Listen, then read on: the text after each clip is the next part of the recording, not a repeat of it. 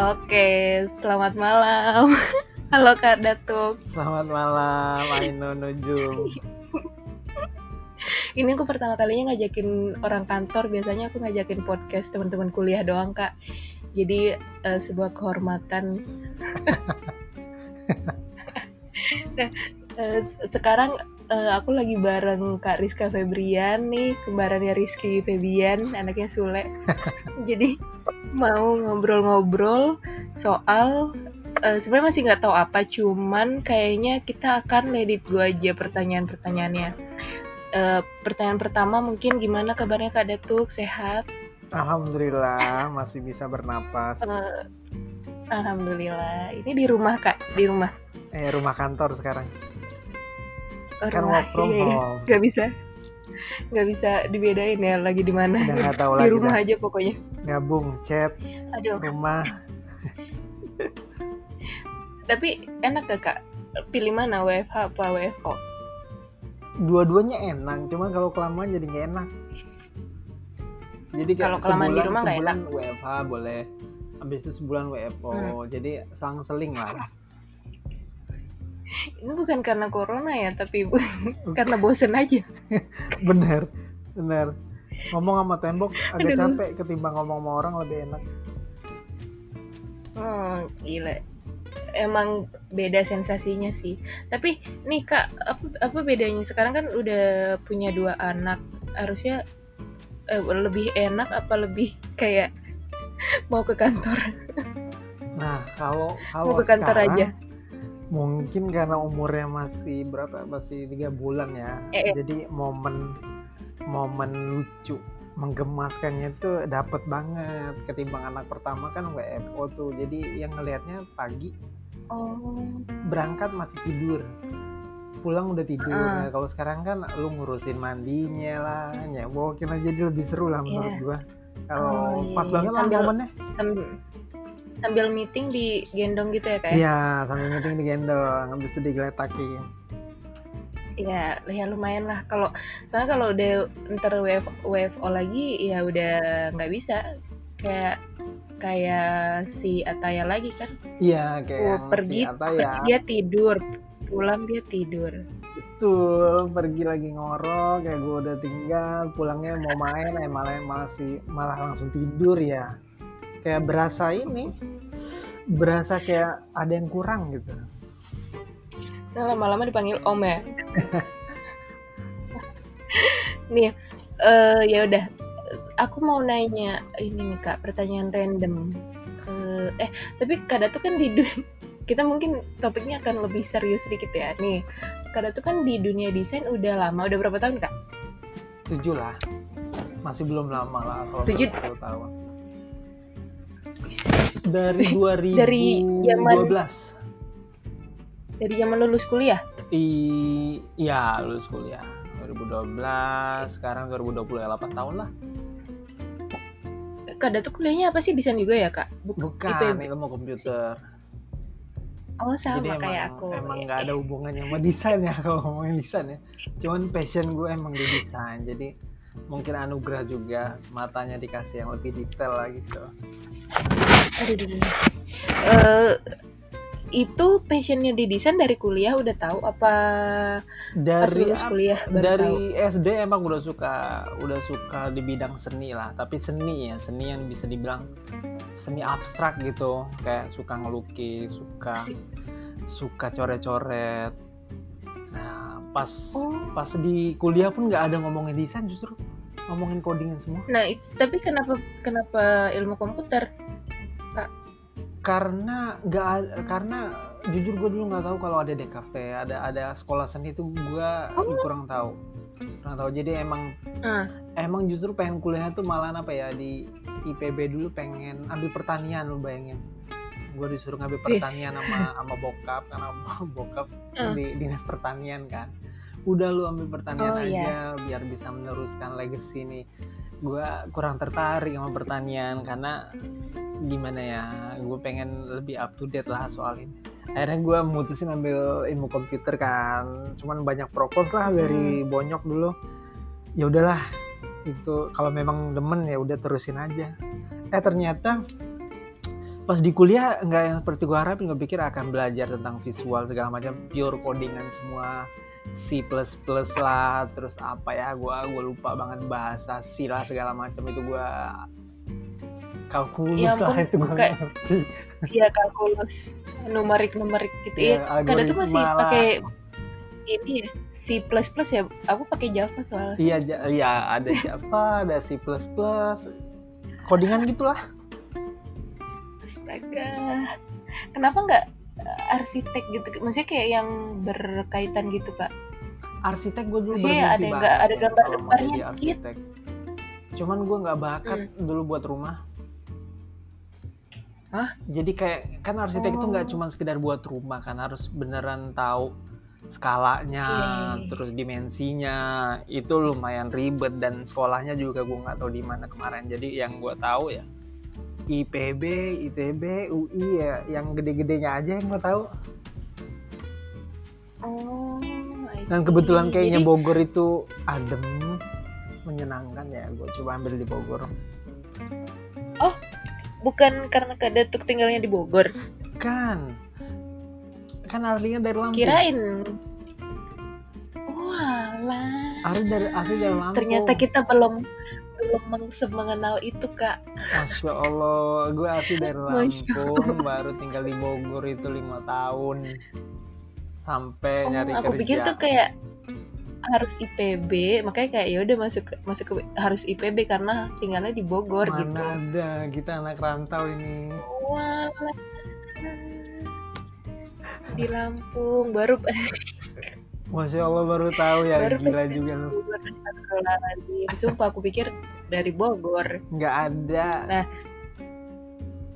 Terus eh, lulus kuliah nih misal eh tapi pas kuliah ada belajar desain-desain gitu nggak kak? Kalau aku sih Ada. dulu ada Ada. kayak sistem interaksi gitu namanya kayak HCI. disuruh buat desain itu pakai Corel Draw nggak salah disuruh buat apa ya buku tahunan Ih, yang jadul menurut gua kayak kurang menantang gitu loh. Disuruh disuruh foto-foto pribadi taruh di dijadiin cover Corel Draw itu katro deh sebenarnya. Cuman dan gua nggak tahu gua nggak tahu harus buat gitu.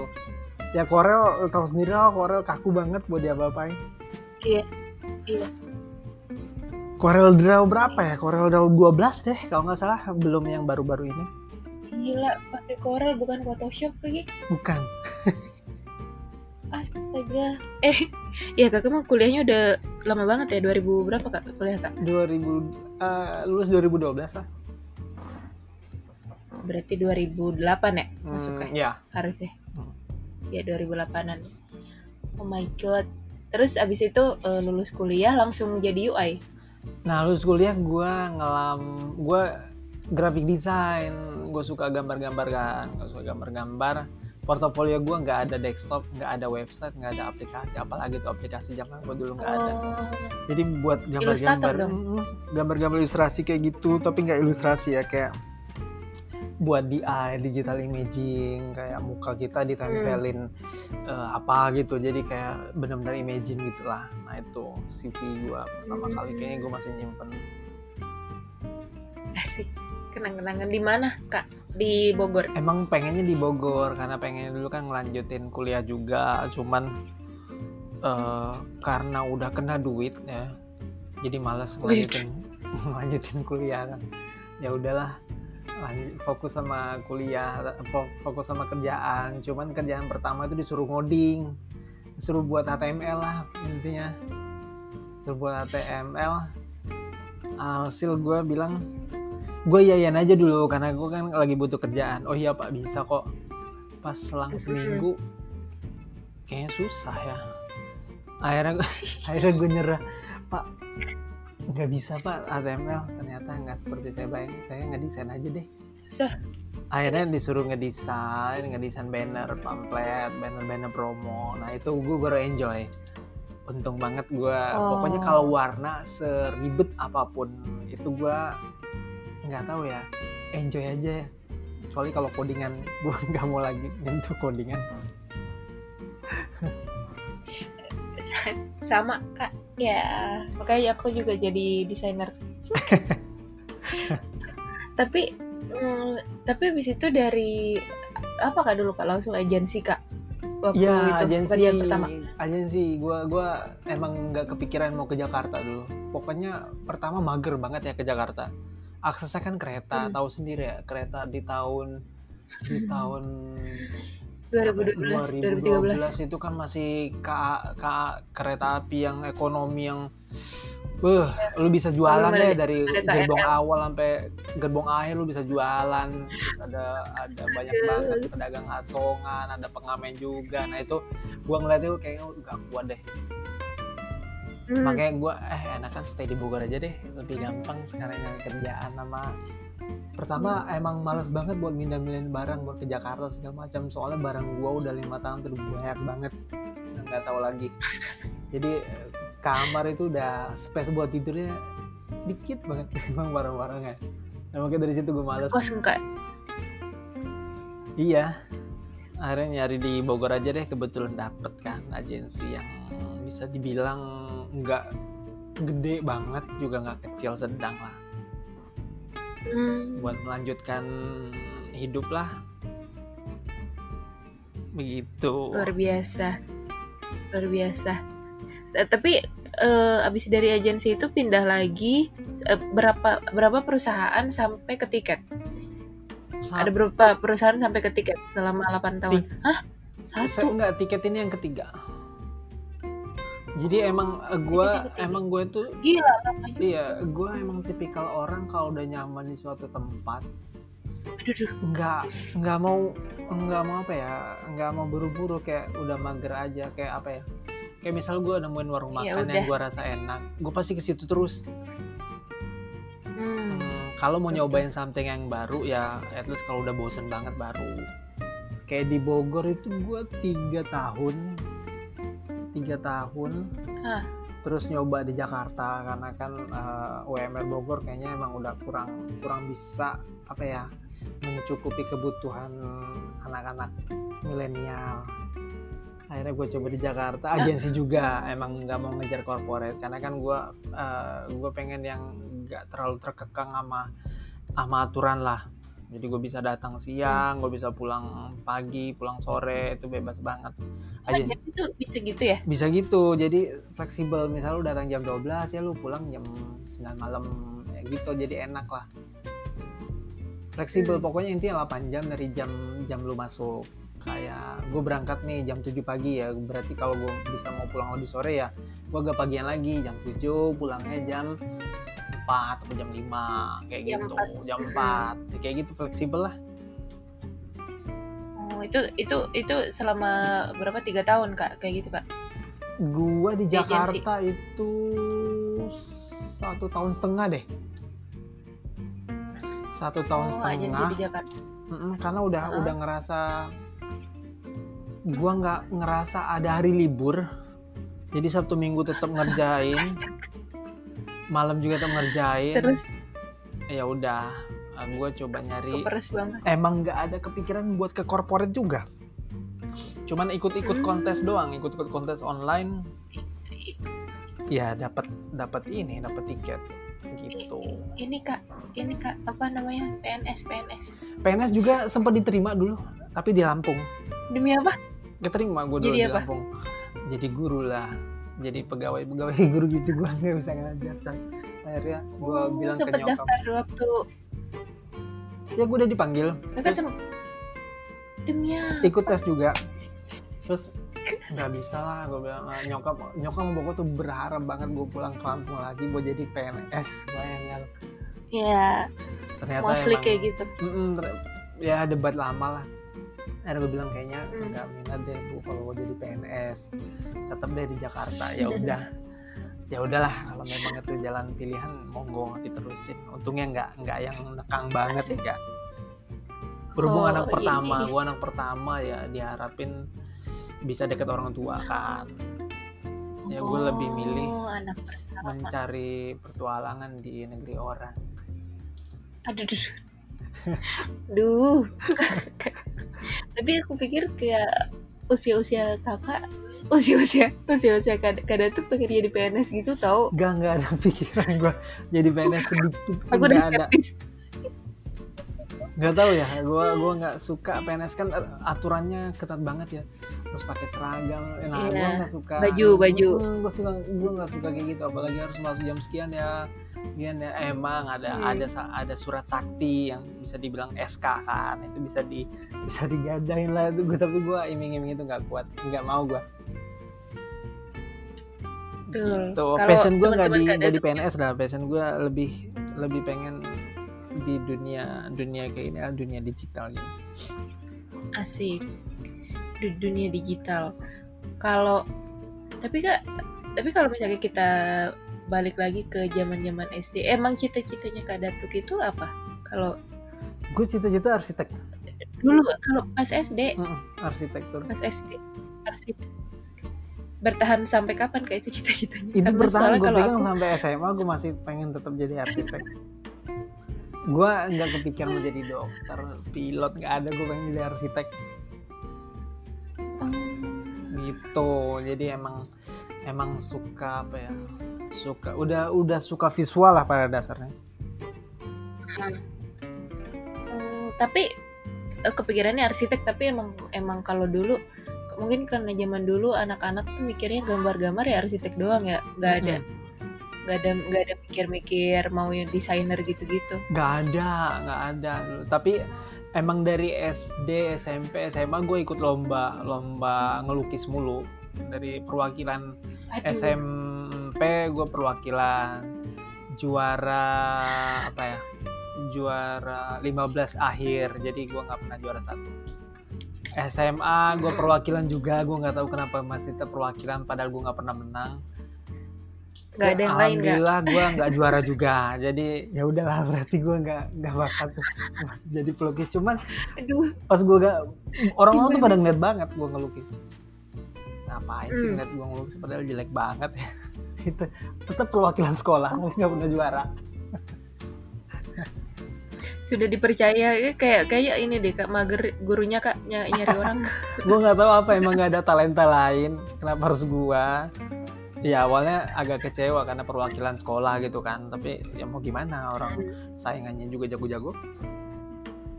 Oh iya tapi ya tapi tercapai lah ya kak maksudnya. Kayak ya kakak tahu ini ini yang kakak pengen itu itu pada saat ker- pekerjaan pertama kali? Ya, betul. Nah, jadi gua ngerasa nemu jati diri gua pas dapat dapat apa ya? Dapat kerjaan yang emang passion gua itu pas ngedesain gitu loh. Itu enak banget. Kan banyak juga orang-orang yang kuliah tapi kerjaannya nggak sesuai sama yang dia kuliah kan. iya Kap- kapan kak Datuk tahu itu passionnya kakak gitu Eh, parameternya apa sampai kakak bilang ini passion gue Ketika gua lupa segala hal, ketika gua lupa waktu buat buat pokoknya Oh. intinya gua enjoy banget at least eh, bodo amat sama salary lu berapa karena gue emang ngebangun pengen ngebangun citra karir gue di dunia desain kan.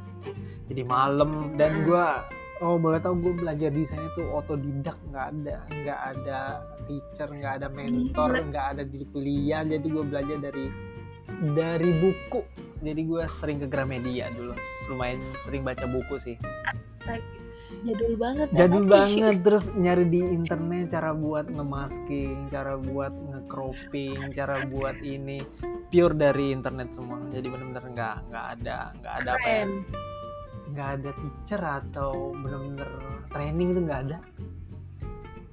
Tapi karena tapi karena udah passion jadinya ya mau belajar sendiri gitu iya Kak? kayak jadi emang nggak ada paksaan. Mm-mm, jadi emang kemauannya berhubung suka banget ya ngejalannya juga enjoy Hmm. walaupun susah. Luar biasa. Apa apa yang paling apa yang paling susah kak selama ini? Apa nggak ada karena udah jadi passion? Nggak ada ya. Nggak ada yang susah sama sih desain sesusah apa pun gue nggak gua nggak pernah ada yang apa nggak ada yang susah. Cuman yang susahnya ketika Gila ketika ngedesain itu harus harus ada teorinya itu yang lumayan harus ini kan harus pakai teori apa deh Oh, Nah, proximity lah segala nah itu kayaknya kita udah ngelakuin proximity lah kontras lah. Cuman in teori gue nggak tahu kalau yang gue lakuin itu udah ngelakuin proximity loh. Gue udah nggak tahu kalau proses gue ngedesain itu udah ngelakuin kontras loh segala macem nah itu secara teori gue emang dulu emang nggak tahu. Sekarang kan udah mulai tahu lah. udah mulai memperhatikan. Tapi kalau tapi kan emang kalau desain ya enaknya ya lewat feeling gitu nggak sih? Maksudnya kayak ya udah kita rasanya ini udah bagus gitu kan? Mm-mm. emang kebanyakan kalau kalau apa ya? Ya sih. desain itu kan soal taste sama selera banget ya. Emang emang pure mainan mata sama sama jam terbang juga sih gue bilang. Karena emang apa ya? Kalau lu sering sering lihat yang bagus-bagus ya ketika lu ngeliat yang jelek pasti mata lu ngerasa ada yang aneh gitu loh. Bahkan satu pixel pun lu bisa tahu. Bahkan yang lebih gila lagi lu bisa tahu jenis font yang dipakai itu apa. Kadang tuh udah nyampe sana? Iya emang udah ngelewatin sampai situ. Jadi oh lu pakai font ini ya, kayaknya bukan pakai font kita deh. Lu kayaknya kurang satu marginnya. Itu emang udah sedetail itu. Sepixel ya ampun tapi kalau dikasih lihat nih ini font apa itu kadang tahu Tahu. maksudnya nama-nama fontnya gitu Iya, asal yang gue pernah pakai ya, tapi kalau font-font yang belum pernah gue pakai gue Ini. Emang gue nggak kayak Arial itu Nggak, mostly yang sering gue pakai itu gue tahu. Karena font fontnya itu bakalan berkutat di situ aja sih. Yang bagus-bagusnya pasti kepake di lingkaran itu aja. Jarang sih orang orang bu, uh, ngedesain pakai font yang benar-benar susah dibaca kan nggak mungkin juga. Hmm, iya, iya. Jadi tahu. betul setuju tapi udah saking passionnya terus kayak udah jam terbangnya udah lama banget juga jadi kayak udah biasa udah Udah biasa, biasa lah banget ya. Kak. Kayak kayak orang nawarin project. Nawarin project lu buat Iya. 100 desain, lu butuh berapa hari? Gue Iya. gue suka ditanya. Iya. Wah, ini aku se- seminggu cukup kok. Gua hal-hal yang hal-hal yang kadang sempet dulu yang hampir rekor itu 150 page itu gue kelarin dalam empat hari. gila Jadi emang kagak jadi emang kagak tidur tidur ada tapi karena emang saking cepetnya saking enaknya saking nyamannya ya gue enjoy gitu jadi ketika Enjoy. ada ketika ada orang nawarin project ini project berapa lama? Ya gue bisa bilang seminggu karena menu gue gampang gitu loh. Nah bisa aja gue Hmm. bisa aja gue bilang oh ini dua minggu oh ini seminggu. Nah tapi karena gue ngerasa ini gampang ya gue bisa gampang aja bilang seminggu kadang cuma tiga hari cukup gitu. Gitu. Jadi apa ya tapi dengan dengan apa ya dengan bisa dibilang eh, udah punya bocah terus Oh, iya. usia juga udah nggak 20 ke atas, eh, 20 ke bawah. Duduk duduk udah pegel kadang ya. nggak bisa lama-lama. Biasanya 100 page itu bisa dalam waktu tiga hari. Itu sekarang gua harus seminggu. Itu gua harus seminggu. Oh eh, lumayan juga kak. Nambah matahari iya nambah tiga ininya hari bedanya biasanya tiga hari kelar usia beneran. tidak berbohong ya. usia emang nggak bohong beneran. Kadang yang paling ditakutin itu kan itu. Kalau tiga hari lu paksa banget buat kerja tangan kanan lu kan takutnya apa sih? Istilahnya carpal tunnel syndrome kan. Itu gue pernah di satu titik di urat nadi lu tuh kayak sakit banget. Nah itu pernah kan kalau kita ngegerakin tangan Gar- kan harus harus Oh.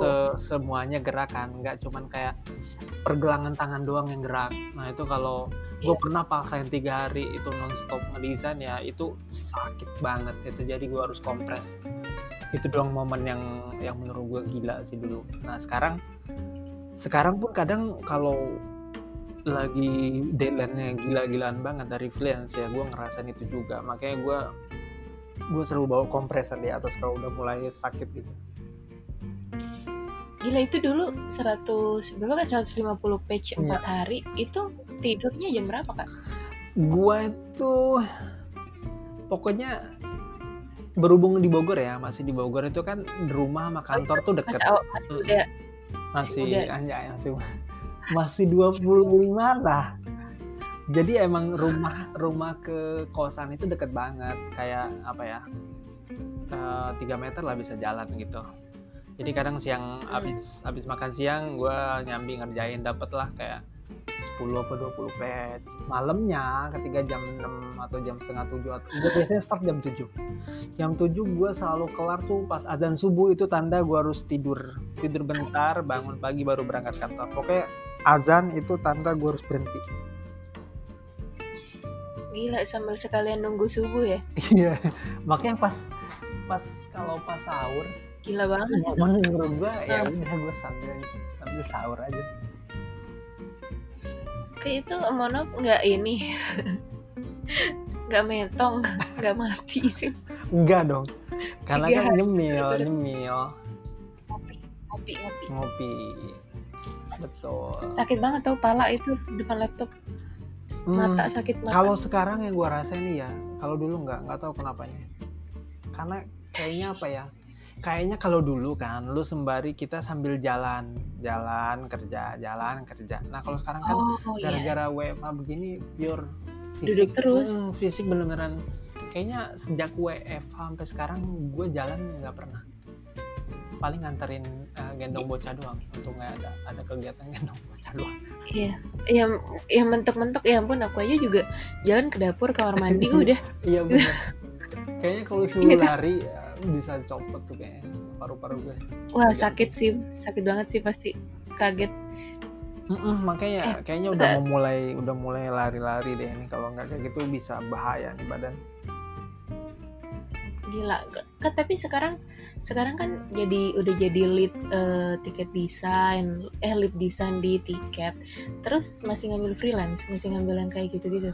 freelance biasanya kalau gua yang gua ambil itu emang gede gede projectnya dan gua rasa Oh. waktunya nggak lama gitu. Kalau Hmm. kalau waktunya lama terus maksudnya continue terus ya continue terus ada ada review lagi ada review lagi itu gua gua nggak ambil. Ama kalau range-nya juga kecil gua nggak ambil.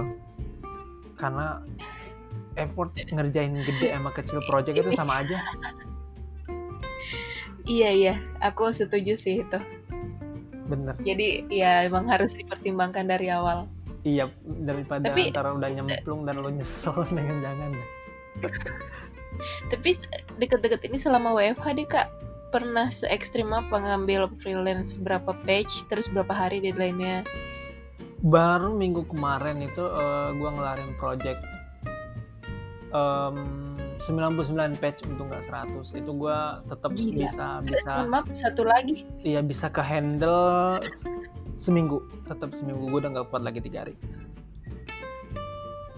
seminggu. Seminggu gua kelarin. Itu berhubung W- WFH ya. WFH ber- bisa gue berani ambil. Karena Wah, kan gila. hmm, karena kan dari jam 7 malam bisa langsung gas malamnya pulang ah, selesai kerja kan. Tapi kalau Iya. WFO kayaknya gue nggak berani ngambil. Nggak sanggup ya? Nggak sanggup karena kan capek capek di udah jalan. bisa dibilang tua di jalan lah. Jadi mendingan istirahat deh pulang Bentar kak, itu ser, serat, eh, 100 page lah ya satu, satu minggu. Terus belum ditambah kerjaan-kerjaan kantor, belum ditambah ngurusin anak. Itu kadang tuh bikin satu page itu berapa detik sih? makanya gue gua ada ada tiga monitor. Jadi monitor satu itu buat kerjaan monitor dua itu buat freelance dan macbooknya sendiri itu buat eh, buat kekerjaan jadi monitor satu doang tuh yang buat buat ini freelance ya kalau ya Wah, sebenarnya dari 100 page itu page core-nya iya, itu banyak page banget. utamanya itu sebenarnya cuma ada 20 20 page yang beda Oh, sebenarnya ya. Nah, Oh. sisanya itu karena pakai simbol ya lebih cepet. Jadi reuse, oh, reuse, reuse. Jadi emang emang triknya harus pakai simbol. Kalau nggak pakai simbol eh, nggak mungkin kekejar dalam waktu seminggu. jadi bukan bukan bikin dari awal banget banget semua Bukan, 100 cuma page-nya 100 itu bisa gue bilang kalau ya kalau homepage-nya udah approve, eh, produk listnya udah di Hmm. approve, produk detailnya udah di approve. Nah, dari kalau udah di approve itu gue udah bisa pakai simbol tuh semuanya. Kalau udah pakai simbol ya udah tinggal drag drag drag drag Hmm. doang gitu. Jadi lebih cepet. Hmm. Tapi paling eh, yang eh, page yang explore, misalnya page pertama nih kak, page yang paling awal Mm-mm. itu dibuatnya berapa berapa lama kalau kada tuh maksudnya kayak get idenya mau warna apa gitu-gitu segala macam Kalau biasanya klien itu butuh 1 sampai 3 alternatif kan. Nah, Gila. gua yang paling Mereka- lama, yang paling lama itu alternatif pertama. Itu paling Hmm. gue butuh waktu sehari penuh tuh alternatif pertama. Kedua, ketiga itu paling setengah hari kelar karena udah dapet uh, idea gedenya. Mm-mm. Jadi yang paling susah itu oh emang ngebuat uh, goresan pertama lah istilahnya ngebuat ide pertama kali itu yang paling susah karena uh, Hmm. apa ya kita juga kalau di kalau dilihat di dribble Behance banyak banget kan referensi cuman kan uh, klien pengen yang original banget. Itu yang susah. Kliennya dari mana-mana sih kak? Mostly? Kebanyakan orang Singapura. Gue pilih orang Singapura Widih. karena rentang waktu ke kita tuh nggak jauh. Jadi kan cuma Oh. plus satu jam. Enggak, gue dulu pernah iya, iya. orang Austra eh, orang Australia sama Kanada. Ah, enggak enggak Kanada. Sama enggak deh orang Australia doang. Itu lumayan banget. Jadi eh, gua harusnya tidur dia masih melek. Nah itu akhirnya cukup sekali itu doang ngambil. Jadi lebih enak kayak. "Mm-mm, ambil selisih waktunya kayak lu mundur satu jam atau baju satu jam atau dua jam itu masih bisa masih aman. Tapi kalau udah beda lima jam tujuh jam gue nggak berani. Kebolak balik Di- pakai- kebolak balik ini dong. Dibayarnya pakai dolar Singapura dong? Iya. Asik dolar Singapura Kak, kak, kalau 100 Kak, kalau 100 page eh, satu minggu berapa kak? ya cukup lah buat beli buat beli tanaman sama burung lah Astaga, burungnya harga berapa kak? burung ya nggak mahal-mahal lah paling 5 juta sejuta Oh, ya banyak berarti ya burungnya dibagi. iya kebeli. banyak sekarang udah dikurang-kurangin takutnya mendadak 2021 masuk kantor itu burung mati semua nanti nggak ada yang ngasih makan Oh iya, ada yang ngasih makan. Halo istri kak Datuk, tolong dikasih makan burung. Wah kalau dikasih makan kayak Eh. dibuang sama dia dilepas Kak, tapi eh, apa mau aku tanya? Tapi ke Kak Datuk gitu kalau misalkan freelance ditawarin apa nyari sendiri? Ditawarin lah ya Gua- kalau sekarang. ja makanya gue selalu naruh prinsip dalam satu minggu gue tuh harus eh, harus ngedesain. Ibarat kata kalau orang kalau orang punya toko dia punya barang-barang yang mau dijual ya kan? Kalau petani dia punya nanam benih untuk kemudian hari dia panen ya kan nah kalau desainer itu ya ladang ladang buat dapetin dihubungin klien atau segala macam ya dengan lu explore something terus lo upload di dribble behance terus instagram sampai ntar ada klien yang ngerasa emang yang salah satu mungkin hasil eksplorasi lo itu emang ngefit dengan bisnis bisnis yang mau dia buat ya biasanya di call. Gitu. Jadi emang gue bisa bilang kayak menabung karir lah kalau gue bisa bilang Ah, satu minggu harus ada satu desain yang satu diupload. minimal kalau bisa dua. Gila. Jadi itu itu disiplin disiplinnya gue kalau mau tetap konsisten.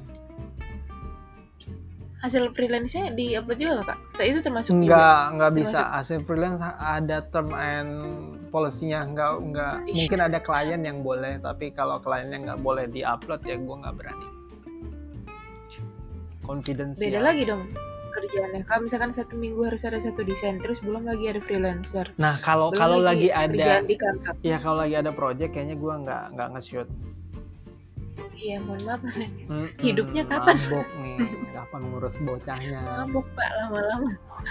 kalau lagi kosong dan lagi butuh tabungan ya mulai gencar lagi nge-shoot kalau nggak ikut-ikut kontes Oh, nih kak, kak eh, standar dulu kan kadang tuh udah freelance juga tuh dulu kan. Terus Mm-mm. sekarang juga eh, ngambil-ngambil freelance. Harganya kadang tuh berarti naik dong. Standar harganya dulu ya satu patch itu gue pernah dihargain seratus ribu lu bayangin satu page. satu patch ribu. ya satu patch seratus ribu itu Seratus ribu apa nih rupiah? seratus Dolar. ribu rupiah lah kalau seratus ribu dolar gue udah untung banyak sekarang ya meningkat Seratus ribu.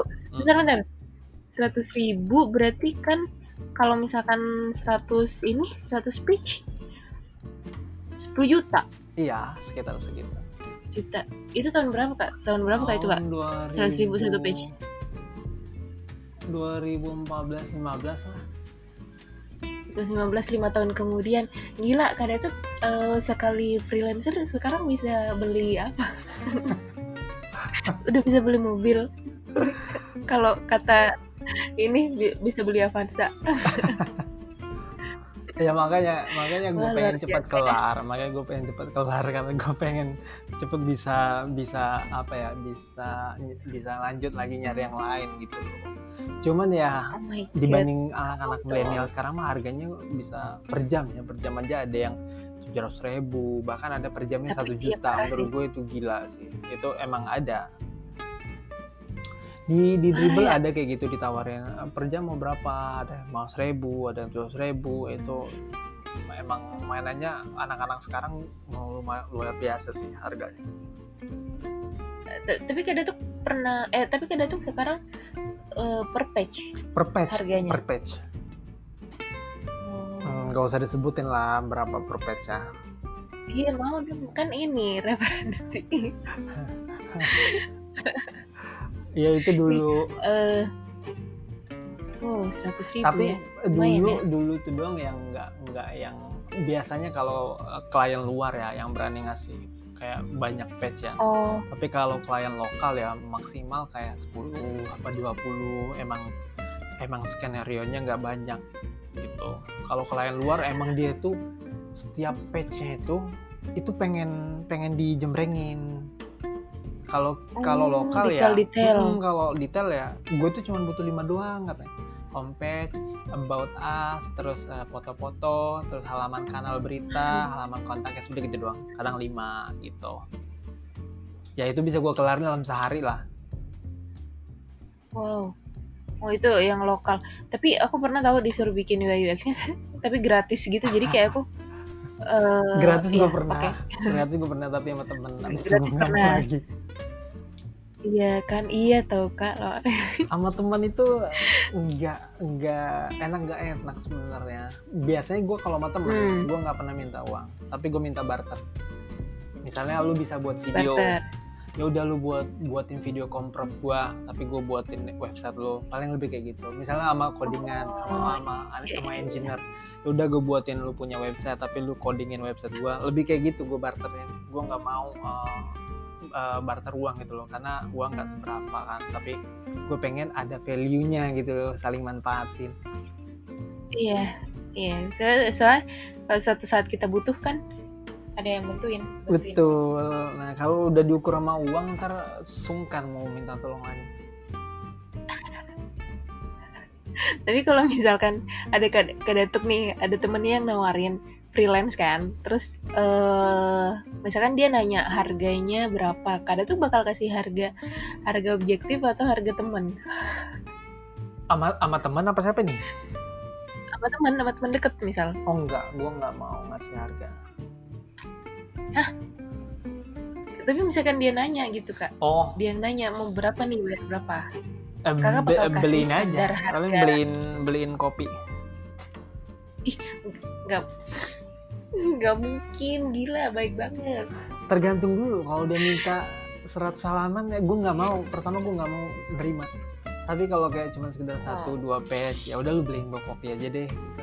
oh kok ya Hmm. gila gila luar biasa baiknya. Nih kak pernah kerja sama artis kan? Iya, sempat dapat ini tidak beberapa. boleh dibahas ya?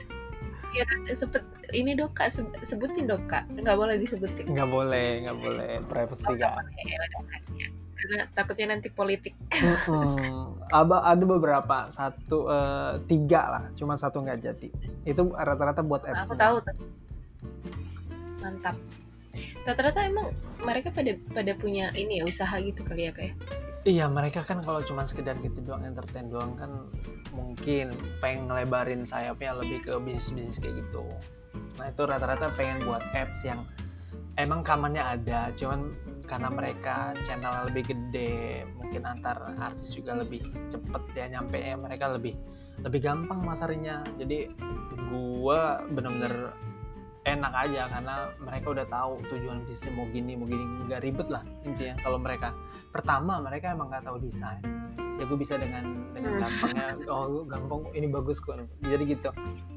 Tapi uh, pain pointnya kalau nggak tahu desain juga ketika lu kasih yang bagus itu dilihat biasa aja. Nah itu bisa juga. Jadi uh, lumayan ngeri ngeri sedap.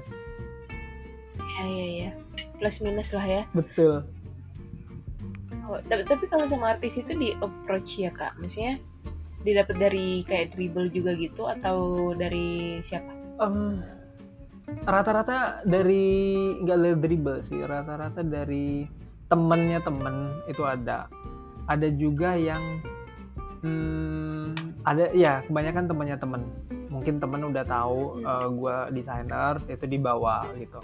Kalau dari approachnya dari dari dribble behance itu belum oh. Rata-rata rekomendasi orang berarti ya Hmm, betul teman. rekomendasi teman sama orang. Betul betul. Harus memperkaya relasi. Betul banget itu penting. Kak ya udah deh. Eh, di- desain udah sekarang. Mungkin kalau eh mau pindah topik dong kak. Kalau misalkan sekarang lagi WFH lagi WFH ide ide apa kak? Ide ide ide apa Eh, kegiatan baru apa yang kak Datuk lakukan selain ngedesain gitu? Masa hidupnya ngedesain desain mulu kak? Salah satu salah satu apa ya visi misi gua selama WFH WFH itu pengen ngebuat rumah gua tuh adem. Karena eh, lu tahu di Bekasi itu panasnya alhamdulillah. Ya gue pengen buat adem. Oh. jadi semua tanaman yang bisa gue tanam ya gue tanam nemu nemu di depan rumah. Yang bagus gue langsung pindahin pot nemu di selokan. Cabe kak cabe cabai-cabean enggak karena cabai-cabean murah. Ih. Gue nemu tanaman yang di depan selokan. Menurut gue bagus tuh gue taruh pot. Jadi gue semuanya gue taruh pot gitu loh. Bagus. Emang Terus? bunganya bagus emang tanamannya Oh. bagus. Jadi gue tanaman itu nggak harus yang berbunga tapi yang bakalan bisa berdaun Iya. lebat sampai bisa rindang. Kak rumput liar gitu kak lampu liar itu gak usah ditanam itu udah di depan rumah. nemu sendiri ya? Iya suka Eh, suka tapi- tanaman terus suka pertama tanaman ujung-ujungnya beralih ke pancuran air karena gue pengen suara gemercik air kan pas merembet gemercik itu- air ujung-ujungnya kayaknya bakal bagus nih kalau ada burung ya. Udah gue coba tambah Gila, burung. jadi ya. ya pagi-pagi berisik aja lebih lebih enak lah udah ngeliat yang hijau-hijau ngeliat ada dengar suara Iya, iya. burung terus ada suara air terjun Sambil- enak banget. Ya ini bisa gue nikmatin pas Lebih- WFH kalau WFO kayaknya bangun pagi melek masuk kamar mandi udah cus. Malam-malam burung ini bunyi. asap ya asap asap. Asap. pagi-pagi lihatnya kendaraan gitu ya. Iya. Kalau WFO bener. Gila itu ru- rumahnya ada taman sendiri dong kak udah ada air pancuran air. Iya di belakang di belakang emang dibuka dibuat dibuat open house gitu langsung tembus. Jadi biar biar apa ya biar udaranya enak juga. Di belakang emang sengaja dibuat rindang biar angin sama udara segar masuk.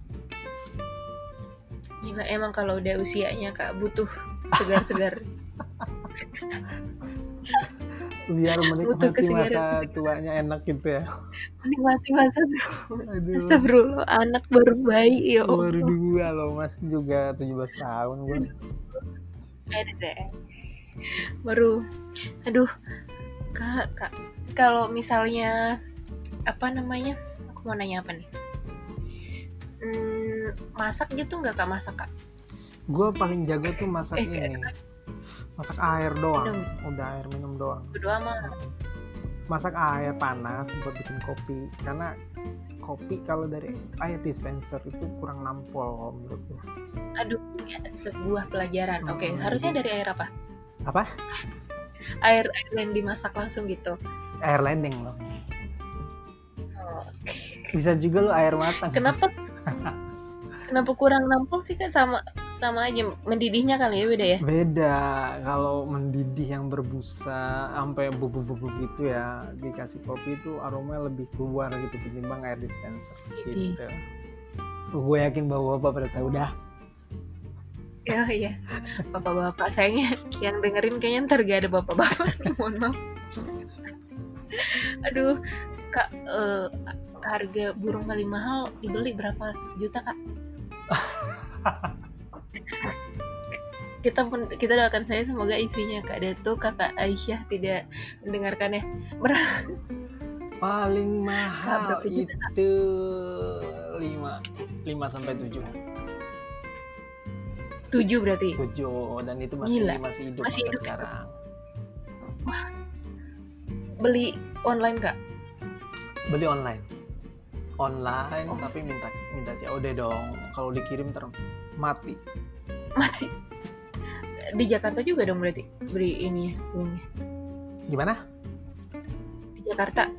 Atau di Beli- daerah Jabodetabek. jauh. Tapi paling jauh dulu gue ke Jonggol. Mungkin Aldi tahu ya. Gue pernah main ke Jonggol. Dari Bekasi jauh banget. Dari Jonggol gue masuk Gila. masuk lagi kom, ah, masuk masuk lagi hutan masuk Allah itu gue gue gue sampai bini gue Astaga. jauh banget ya jadi buat ngambil seekor burung itu segitu jauhnya dulu malah dulu sempet sampai ke Sentul Bogor yang sampai pelosok gitu itu gue pernah Buset Gitu. dah. Tapi ke luar pulau belum, Kak?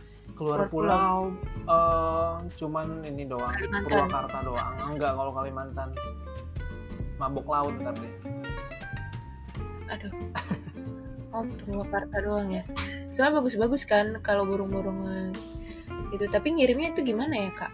Gimana Kak cara ngirimnya kalau ngirimnya kan ada pulau kereta ada kereta khusus burung ah, khusus hewan oh, jadi gue tinggal nunggu di loket keretanya jadi ketika udah udah datang dengan mobil box sama banyak burung ya gue langsung samperin gitu Eh, ngomongin burung jelas banget deh burungnya ber- di rumah ada berapa Kak sekarang, Kak?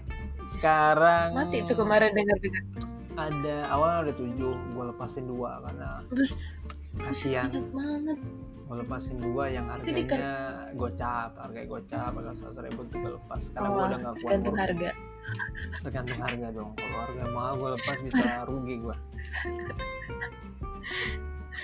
Tujuh awalnya. Terus sekarang li- udah li, tinggal lima. tinggal lima dan lima menurut gue yang bakal gue keep mudah-mudahan bisa nambah satu lagi jadi enam karena gue lagi ngincar satu burung bagus lah itu ya ntar Astaga, tolong tolong tolong istrinya Kak, Kak Aisyah tolong.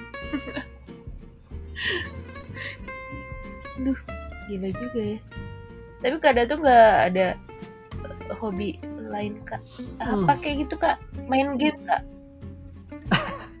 main game Nonton, doang biasa biasanya ya, cuman nonton. PS4 udah nganggur aja kayak apa ya kayak benda mati Oh, udah- gue udah nggak pernah lagi nyentuh PS4 nggak tahu kenapa kayaknya ganti minta di PS5. replace mm, minta di replace PS5 Nah, dulu baru iya. semangat lagi mainnya Ya nggak ada temennya sih Kak. iya gitu dah sama waktu gua tua sama desain jadi gua ngerasa kayak apa ya Gila luar biasa. sehari aja kalau nggak gimana gitu kayak kurang gitu Ih, udah nempel banget.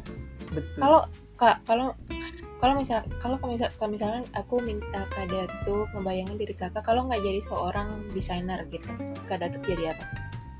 gimana Kalau nggak jadi seorang desainer, Mm-mm. Kak Datuk bakal jadi apa? hmm. Ngebayangin diri Kak Datuk jadi apa? kayaknya gue bakal jadi engineer Aduh, katanya nggak suka ngoding. Gimana sih? Iya tapi kayaknya kalau gua nggak ketemu sebuah desain gue bakal nyemplung ke situ deh. karena di kuliah tuh udah di brainwash banget lu coding coding coding coding Eh. tapi gue dulu emang cita-cita pengen Oh. apa ya pengen pengen punya usaha sendiri sih sebenarnya Oh iya, iya. ya nggak nggak mau usaha ini kak bisnis bisnis. kalau bisnis ya kalau bisnis gue lebih suka itu yang jangka panjang kayak apa ya yang dibutuhin primary orang sih kayak lo Makanan. eh, makanan malah gue dulu punya Hmm. ide gila gue kayak punya pengen punya tanah di Bogor apa di Sukabumi itu gue jadiin ternak Hmm. ayam biar orang yang ngelola kan ayam potong kan itu udah udah sehari-hari orang makan ayam ayam ayam ayam mulu kan Gua Iya pengen pasti gila. itu jadi cuman ya sebatas mimpi doang ternyata nggak murah coy Hmm. mahal Oh iya. mahal kalau sapi bagus cuman Tanahnya. sapi itu, kalau sapi bagus cuman sapi itu akan untung ketika lu idul adha gitu jadi lumayan Iya. lama. Kalau ayam tuh universal tau kak. betul I love chicken. jadi emang tiap hari itu orang butuh konsumsi itu kan Mantap. Kirain ini kak jadi masa tua, investasi masa tua kak. jadi tinggal kipas-kipas, tinggal kipas-kipas duit masuk. kayaknya gua nggak bisa ngeliat ada masa depan itu deh kayaknya lu tetap masih dikerjain orang deh Masa ngedesain sampai tua juga ngedesain kamu, mam. Ah, kayaknya nggak nggak gue nggak bakalan ngedesain yang sampai usia 40-an aduh nggak deh. Ntar lagi dong pensiun. gue Masih masih gue ya. bilang gue masih berapa? Sih 28 lah. Yeay. 30 gila. 30 lah. Ada nah itu udah mulai udah mulai nabung lah buat nggak mau lah ngedesain dulu capek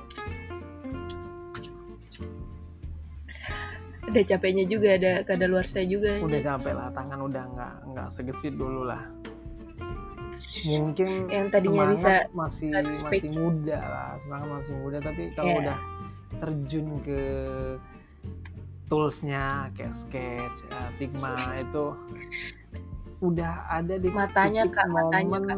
mata nggak stuck stuck masalah timeline karena kan Hmm. harus ngejar mungkin karena Hmm, klien tahunya gue bisa ngejar cepet ya mereka tetap minta dengan tempo yang cepet nah gue gue nggak bisa jamin itu bisa bisa Iya. kecapai lagi Iya tau. Kalau desainer-desainer yang udah tua-tua gitu kan ya udah nggak terjun ke desainnya kan. benar Kayak, dia lebih yaudah, punya tim dia yang lebih manage sih Tuh, cuman itu iya. punya cenderung punya trust yang kurang percaya gitu loh gue belum nemu satu desainer yang bisa gue lepas banget sampai yang punya skill atau yang punya taste sama tuh gue belum nemu. Hmm, selama jadi, gue ini ya selama jadi, gue kerja ya. iya, selama gue kerja jadi freelance. kayak masih gatel gitu nggak sih kak? Pasti kak. Gatel Betul, kayak mau mau benerin ya. Mau ngebenerin aja padahal udah bukan udah bukan saatnya udah, Udah. bukan bukan ranah gua udah bukan eh, Iya. bukan bagian gua itu urusan mereka harusnya. Iya duh yang udah passion.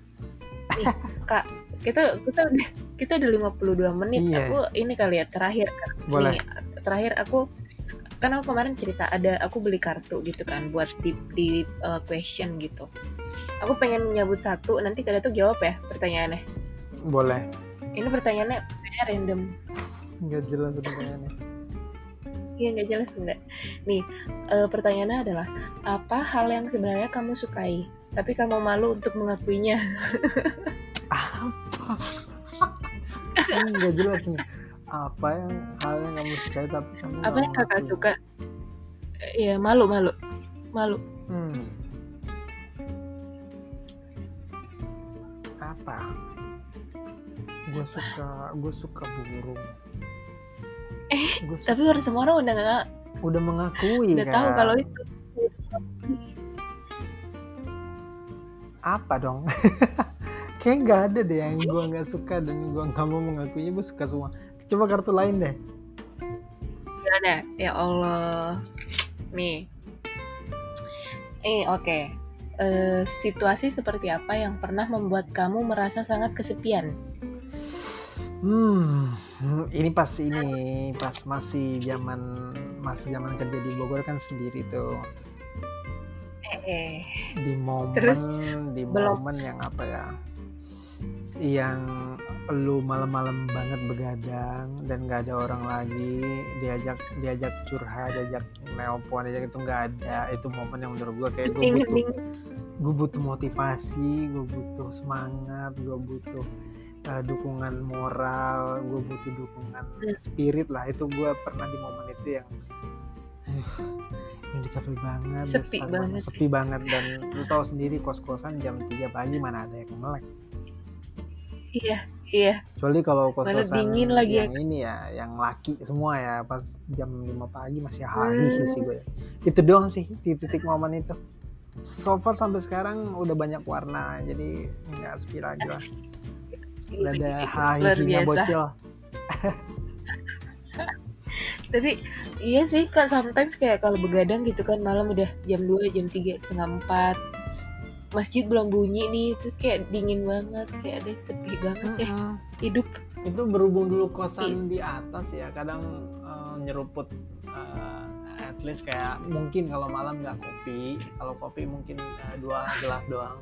Malamnya itu lebih sering Hmm. itu teh am- teh sama ini tolak angin tuh teh sama tolak angin tuh udah minuman favorit deh tiap malam. Tuh. kadang teh sama madu kadang madu sama tolak angin. Pokoknya tolak angin tuh udah gue bukan promosi tapi itu emang enak banget. Kalau lu begadang malam minum itu paginya gue bisa bilang lu turn on 100% lagi minumnya pagi bukan malamnya? Malam dong sebelum tidur. Oh sebelum misalnya gue begadang sampai jam 2 pagi nih gue selalu minum itu Ah. sambil begadang baru tidur. Biasanya lebih lebih segeran ketimbang lu nggak minum. Sugesti kali ya buat gue sugesti udah kebiasa kali kak. Mm-mm. karena oh, oke. Oke. Tapi aku setuju itu kesepian kesepiannya kak Datuk tapi dulu pas sebelum ketemu kak Aisyah dan sekarang mah udah ini bocil. udah high bocil udah nggak sepi lagi dong. Kalau butuh rame ya tinggal di ini aja kak. Toel aja tuh iya bayi nangis tuh. kan nangis. Ya Allah. Ya udah kalau gitu kak Datuk kita udah 56 menit berbincang. Aku bahkan sampai lupa tadi isinya apa ya. Aduh apa kak ada yang ada yang mau disampaikan nggak kak? Tahu ada yang dengerin sampai akhir. Nggak ada. Gue berharap yang dengerin sampai akhir itu lu waktunya nggak kebuang sia-sia aja. Intinya sih gitu. Gitu. Itu doang. Itu dong waktu Semua orang udah kuliahnya ya kak ya, maksudnya. Semua orang udah ngerasain pengalaman hidup yang buruk sama yang baik lah. Menurut gue ya mungkin salah satu kisah gue ya mungkin banyak bilang ah itu masih masih belum sepedas gue makanya gue nggak bilang story gue ini uh, bisa menginspirasi ya. Intinya gue bisa bilang ya lu kalau dengerin dari awal sampai akhir ya mudah-mudahan bermanfaat dan gak wasting time aja intinya sih kita iya maksudnya itu ya bener semoga ada yang bisa dipetik ya gitu maksudnya kak Bener. Aduh, kocak banget ya udah deh. Kalau gitu Kak Datuk kita akhiri sesi kali ini. Terima kasih sudah bersedia menjadi korban saya. Aku baru tahu Kak Datuk bukan orang Bogor, ternyata Mana ada ada orang Lampung baik. Astagfirullah. Ya udah deh. Thank you Kak Datuk. Oke, Dadah. nah.